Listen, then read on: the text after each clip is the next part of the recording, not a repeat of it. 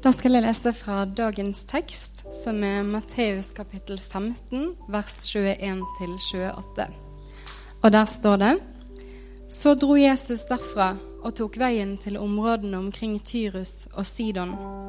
En kanoneisk kvinne fra disse traktene kom og ropte, Herre, du Davids sønn, ha barmhjertighet med meg. Datteren min blir hardt plaget av en ond ånd. Men han svarte ikke henne med et ord. Disiplene kom da og ba ham, Bli ferdig med henne, hun roper etter oss. Men han svarte, Jeg er ikke sendt til andre enn de bortkomne sauene i Israels hus. Da kom hun og kastet seg ned for ham og sa, Herre, hjelp meg. Han svarte, Det er ikke rett å ta brødet fra barna og gi det til hundene. Det er sant, Herre, sa kvinnen, men hundene spiser jo smulene som faller fra bordet hos eierne deres. Da sa Jesus til henne, Kvinne, din tro er stor, det skal bli som du vil. Og datteren ble frisk fra samme stund. God morgen. Vet du hva, Jeg syns dere blir bedre og bedre på dette med god morgen.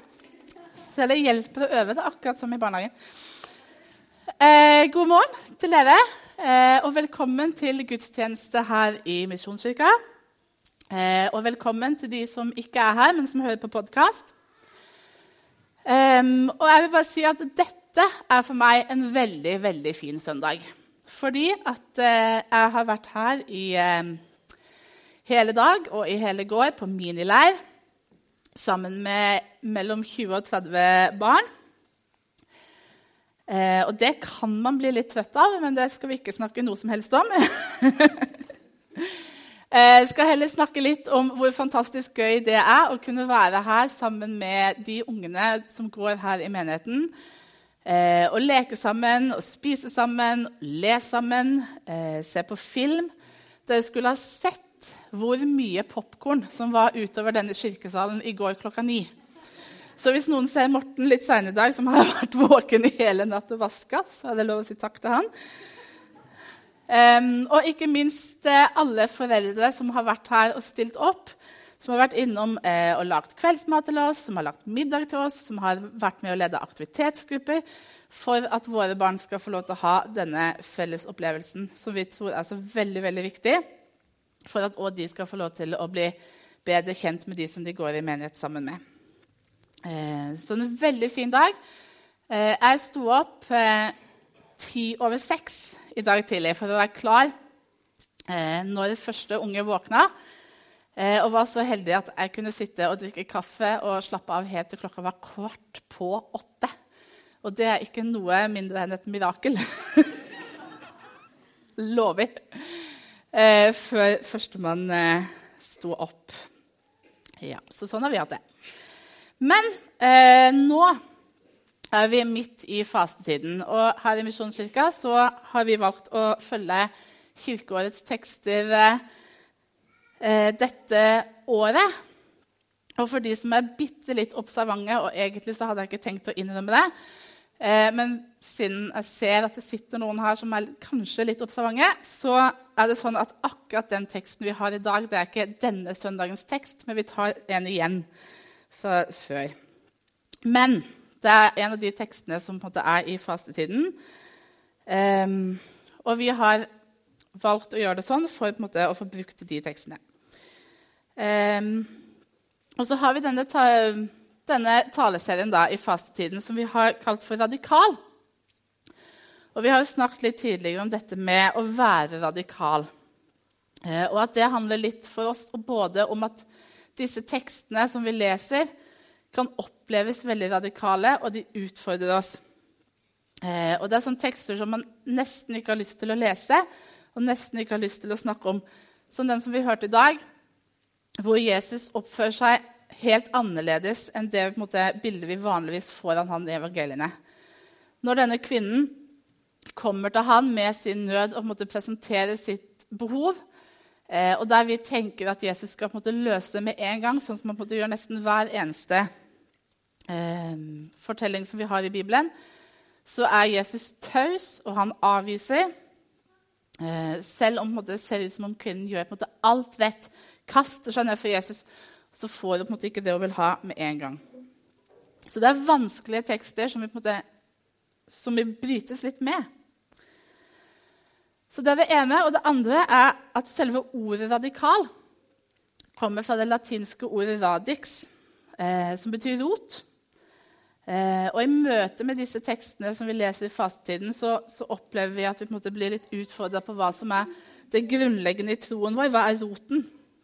Hva er det vi tror på? Eh, og hvem er det vi tror på? Og så håper vi at vi sammen i løpet av denne perioden skal kunne bli litt mer rotfesta og grunnfesta på hvem vi er, og hvem Gud er.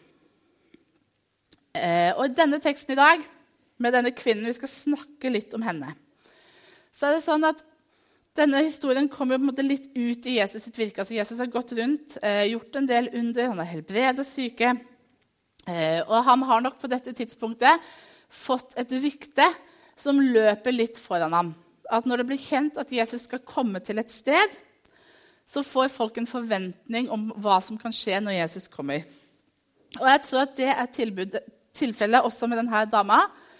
Hun har hørt om Jesus, har hørt at han kommer, og har en forventning om at han er en som kan hjelpe henne i sin nød. Eh, og jeg tenker at denne kvinnen kan være et forbilde for oss på mange måter. Eh, og for det første så er hun et forbilde fordi at hun velger å komme til Jesus med det som ligger på hjertet. Med det som er hennes store nød. For denne dama har et barn som er plaget av en ond ånd. Og det er klart at det er viktig for henne som mor. Sant? Det kjenner vi jo alle på, dere som har barn. Og vi som ikke har barn, vi kan jo leve oss inn i det.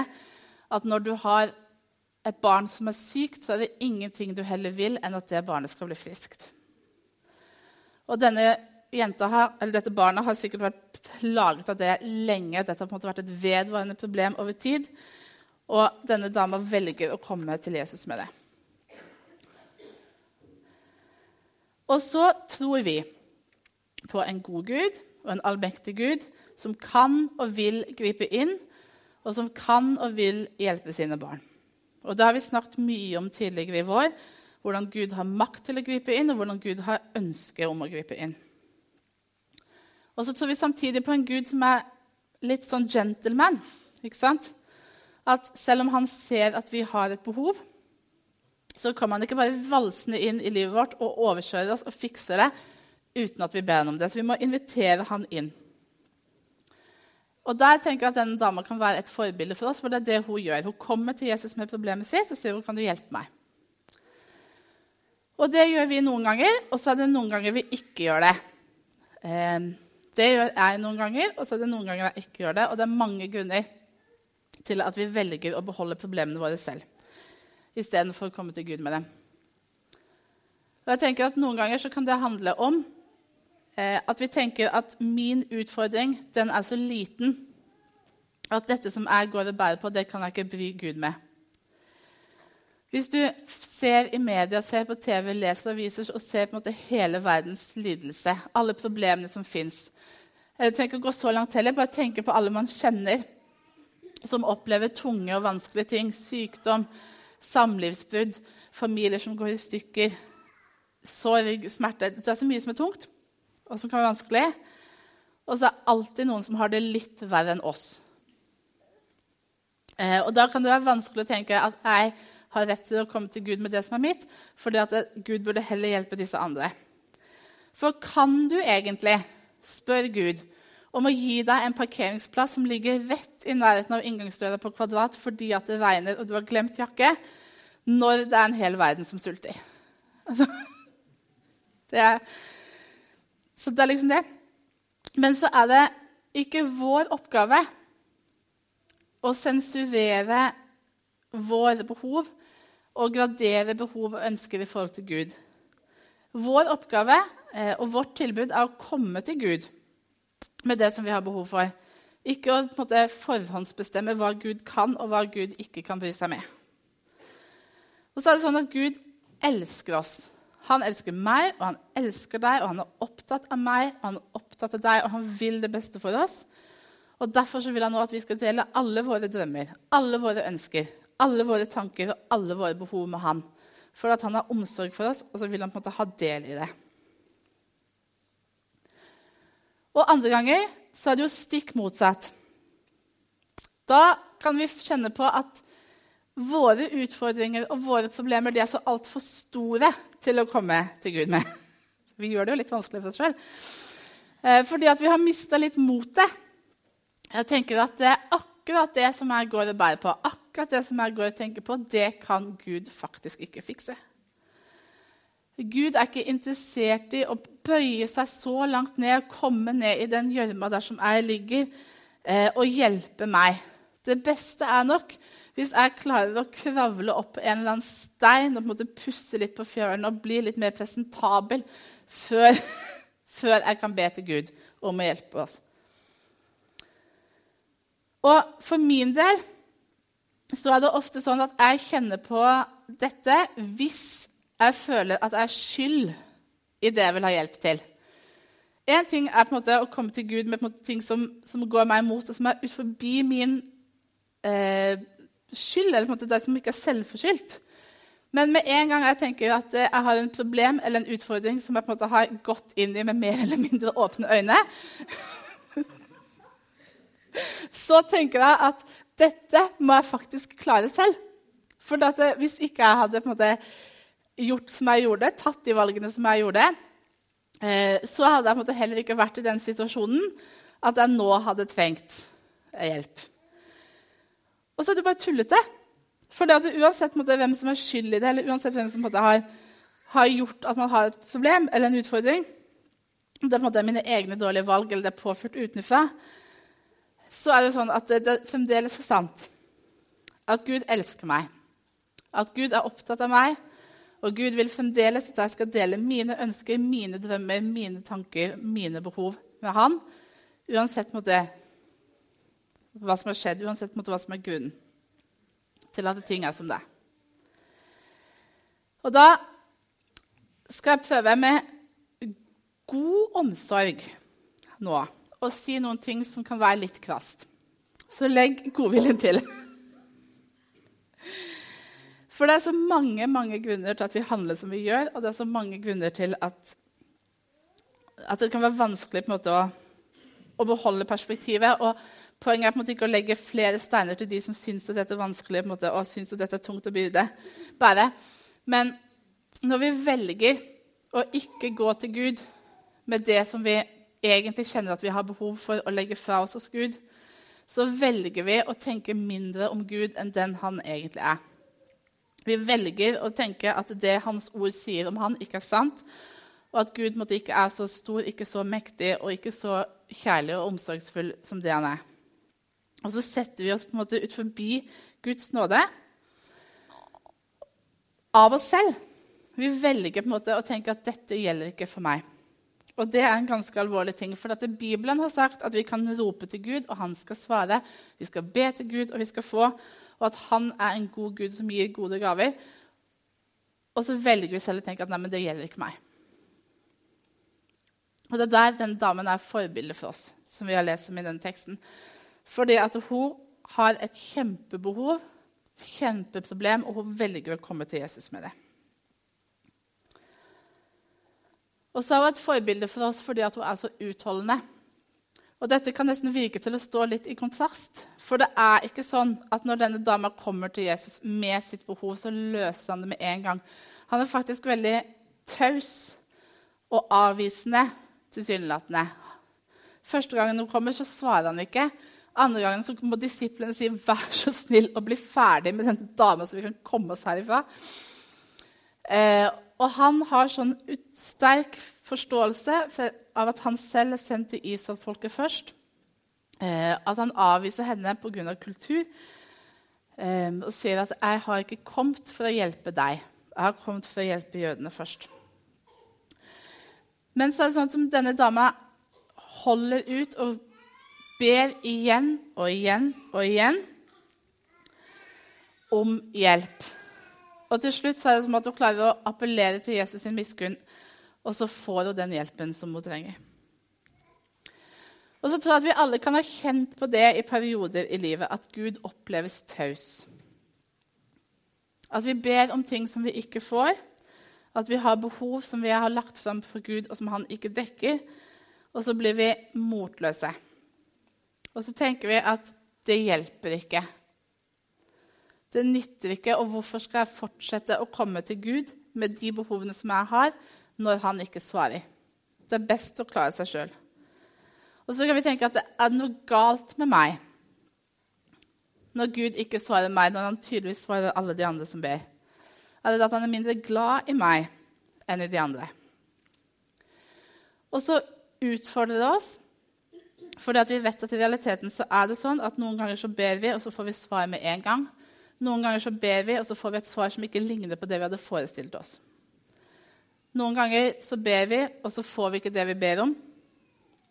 Og så lærer vi ofte barna, da, når vi lærer de å be at eh, Gud kan si nei fordi han vet at det, eh, at det, du ber om, er ikke bra. Og det er helt sant, Gud sier nei til ting som vi ber om som han vet ikke er bra for oss. Men noen ganger så sier, virker det som at Gud sier nei til ting som helt åpenbart er bra for oss. Og det er da vi er nødt til å øve oss i å ha to tanker på en gang. tenker jeg. For det første at det er sant som Bibelen sier, at Gud alltid hører når vi ber. Og så er det sånn at noen ganger så må vi be lenge før vi får. Og Lukas han forteller en lignelse om eh, en enke som går til han som er dommer i byen, for å få hjelp i en sak. Flere ganger banker på og maser og maser og maser på den dommeren for å få den hjelpen som hun trenger.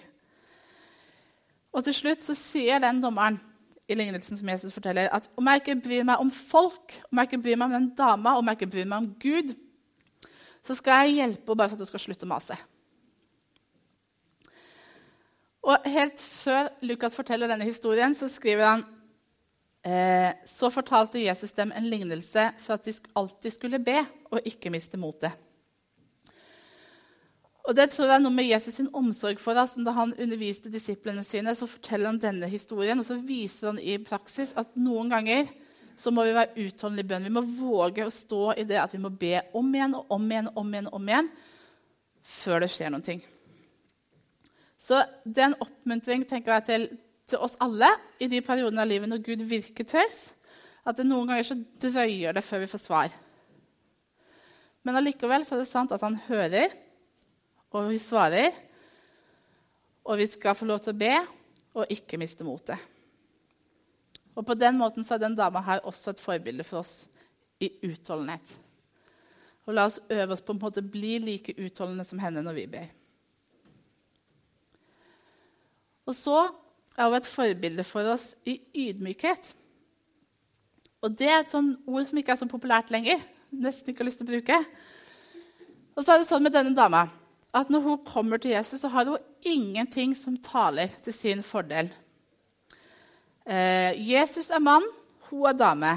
Jesus er jøde, hun er ikke. Hun er en hedning og utafor. Og alle sosiale normer tilsier at Jesus ikke kan snakke med henne, fordi at jødiske menn snakker ikke med damer, og jøder snakker ikke med hedninger. Så den dama vet at hun gir alt. Eh, sitt og presser på for på måte, å komme fram for Jesus og gjør det likevel.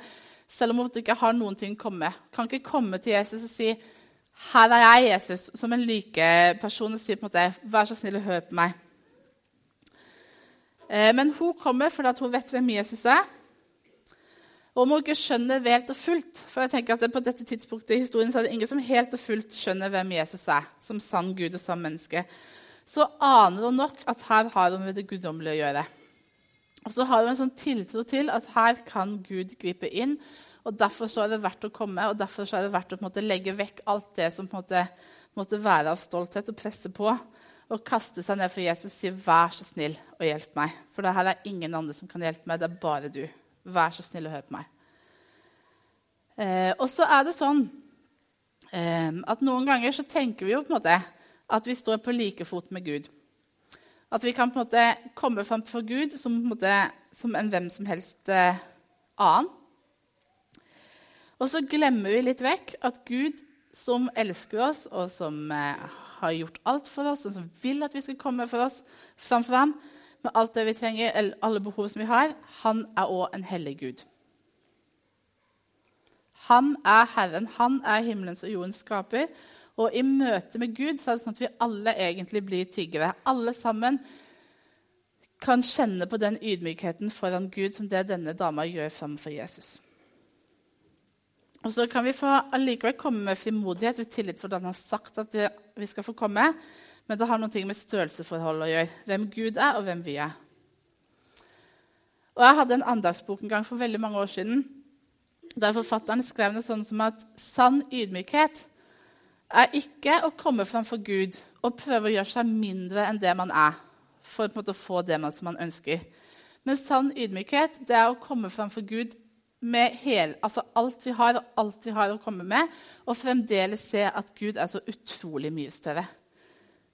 Vi trenger ikke å på en måte lage en ydmykhet, altså det er en helt reell ydmykhet som vi kan kjenne på i møte med at Gud er så veldig mye mer enn oss. Og Noen ganger så tror jeg at vi blir litt familiære med Gud. At vi tenker han mindre enn han er. Fordi at vi på en måte får en relasjon med han, vi kjenner han, Eh, og vi har barnekår, og vi får lov til å kalle han venn. Og alle de tingene er helt sant, og det er helt riktig, og det skal vi ta vare på. Og så tror jeg at vi av og til skal minne oss på at Gud fremdeles er Gud. Vi er ikke Guds likemenn. For vi blir invitert inn i fellesskap og vennskap med en som er så utrolig mye større enn oss. Så ydmykhet, folkens, til det. Men så sier denne teksten noe om hvem Gud er òg. Og det som jeg har lyst til å trekke fram, det er at Gud lar seg påvirke av bønn. Eh, og det kan vi ta med oss i dag. At Bibelen har masse løfter knytta til det med å be. Bibelen sier at vi skal be og få. Og sier Bibelen sier at Gud er en god Gud som gir gode gaver. Så sier han når vi som er onde, sier Jesus, vet å gi barna våre gode gaver, hvor mye mer skal ikke Gud i himmelen gi barna sine gode gaver? Og så tenker jeg at jeg vet som barn at foreldrene mine har alltid villet det beste for meg. Jeg er sikker på at dere som er foreldre, vet at dere vil alltid det beste for barna. Og når Jesus da tar det fram som et bilde på eh, vi som er onde, og som allikevel vil alt det gode for barna våre, så er det på en måte også et bilde på hvor mye større og hvor mye mer Gud vil i det som er godt for oss. Og så er det historier som denne da, som forteller oss at Gud kan ombestemme seg. Han kan først si nei, og så kan vi få lov til å be og be og be, og så sier han ja. Og Det er fordi at Gud er svak for den som roper til han, og den som ber til han. Og jeg tror at det bl.a. handler om at når vi roper og ber og legger vår nød ned for Han, og når vi er utholdende i det, så viser vi samtidig en tro til Gud. Eh, en tro på at det er Han som kan hjelpe, og bare Han som kan hjelpe. Og når vi appellerer til Gud på den måten, så ønsker Han å svare oss på det. Og så tror jeg at Samtidig som vi er utholdende i bønn, så endrer det noe hos Gud, og så endrer det noe hos oss. At når vi får noe som vi har kjempa for lenge for i bønn, så er det lettere for oss å plassere æren der som den hører hjemme. Og så er det en annen ting eh, som denne historien viser. Og det er at Gud alltid har evnen til å gripe inn. Og Vi har jo hatt minileir her i helga, og vi har jobbet mye med og lært om David og Goliat og som er en, en, fin fortelling for barn. For at de måte, kjenner seg sånn igjen i lille David, som på en måte skal stå for store Goliat. Og så har vi lært litt sånn husketriks. For at David han henter fem steiner eh, i elveleiren når han skal slåss med Goliat. Og så har vi holdt opp en hånd sånn som dette. Så har det liksom vært én for hver stein. Så just, Gud kan alltid hjelpe meg. Og det er en kjempelærdom å gi ungene våre. ikke sant? Uansett, så Gud kan alltid hjelpe meg. Og så tenker jeg Det er en kjempefin lærdom for oss som voksne òg. At i vår, vårt liv og i vår, det som utfordrer oss, så er det fremdeles sånn at Gud kan alltid hjelpe. Og det må vi klare å holde fast på selv som voksne. Og så har jeg kalt den talen for radikal etterfølgelse. Og så kunne den like gjerne kanskje hett radikal tro eller radikal bønn. Men det er radikal etterfølgelse fordi at vi som kristne er kalt til å være etterfølgere av Jesus. Eh, og at det på en måte har, får noen føringer for, for, hva vi velger å gjøre når vi på en måte møter problemer i livet. Eh, og så har vi denne kvinnen i dag da, som skal være et forbilde for oss. Som ikke har noe annet sted å gå. Ingen andre løsninger. Hun har sikkert levd med denne datteren som har vært eh, i flere flere år. Jeg er sikker på at hun har prøvd alt. Det er ingen stein som er usnudd. Hun har gjort alt. Og så presser hun seg fram på tvers av sosiale normer på tross av alt det koster, og er så radikal i sin overgivelse og etter det å komme fram til Jesus. Det koster jo alt. Men fordi at det, i møte med det som livet har blitt, så er det ikke noe annet sted å gå. Og der tenker jeg at hun kan være et forbilde for oss. For hvor går vi, og hvem følger vi? Johannes skriver om Johannes 6 om Jesus som har undervist folket lenge. Eh, og En del av de folkene som har vært og hørt på han, de blir støtt av den læren og det Jesus underviser, og så går de én etter én etter én. Og så Etter en stund så snur Jesus seg til disiplene som også har vært der og hørt denne undervisningen som har hatt. Og så spør han, 'Vil dere også gå ifra meg?' Og så svarer de, 'Herre, hvem skal vi gå til?' For du har det evige livs ord. Og Det er der vi trenger å være i vår relasjon med Gud og i vår etterfølgelse av Gud, i den tilliten at det er bare én vi kan gå til. Det er bare én som har det som vi trenger. Det er bare én som kan møte oss. Og at vi er trygge i det, at vi er rotfesta og grunnfesta i det. At vi vet at vi kan komme til Gud, og det er egentlig ingen andre steder vi kan gå. Det er han som har makten til å gripe inn, og det er han som har omsorgen til å gripe inn. Og det er kjempelett når livet er lett. Det er lett å tro på en allmektig, god Gud når livet går på skinner, og så er det tilsvarende vanskelig når livet går i motbakke. Når Gud er fjern, når Gud er langt borte, og når Gud er taus. Og det skal vi våge å tale sant om, at sånn er det. Da er det vanskelig å komme til Gud. Og da er det vanskelig å be, og da er det vanskelig å være utholdende. Og da tenker jeg at vi mer av alt trenger på en måte noen å gå sammen med, noen som våger å være i det sammen med oss. For det er vanskelig når alt man har lyst til å si at 'nå har jeg bedt deg, Gud, 100 ganger', og du hører ikke, og du vet hva jeg vil be om, og jeg gidder ikke si det en gang til. For da begynner man å tenke at dette er ikke viktig. Jeg er ikke viktig for Gud, eller dette er ikke viktig for Gud. Og så tror jeg at det er noe med at vi må få lov til å bygge tro i fredstid. At når livet er lett, og vi opplever at Gud svarer på ting som på måte ikke er så dype og så viktige for oss. Når vi opplever Guds trofasthet i det gode livet, så får vi en tro og en forventning som vi òg kan gå med når livet er vanskelig. For jeg tror det er noe med den erfaringen av at Guds, altså Gud var trofast i går, så han kan være trofast i dag. Og så er det det vi må kunne holde fast på og våge å holde fast på når livet er tungt. Og prøve å huske det. Og her kan vi hjelpe hverandre og minne hverandre på det at Gud var trofast i går, og han er trofast i dag.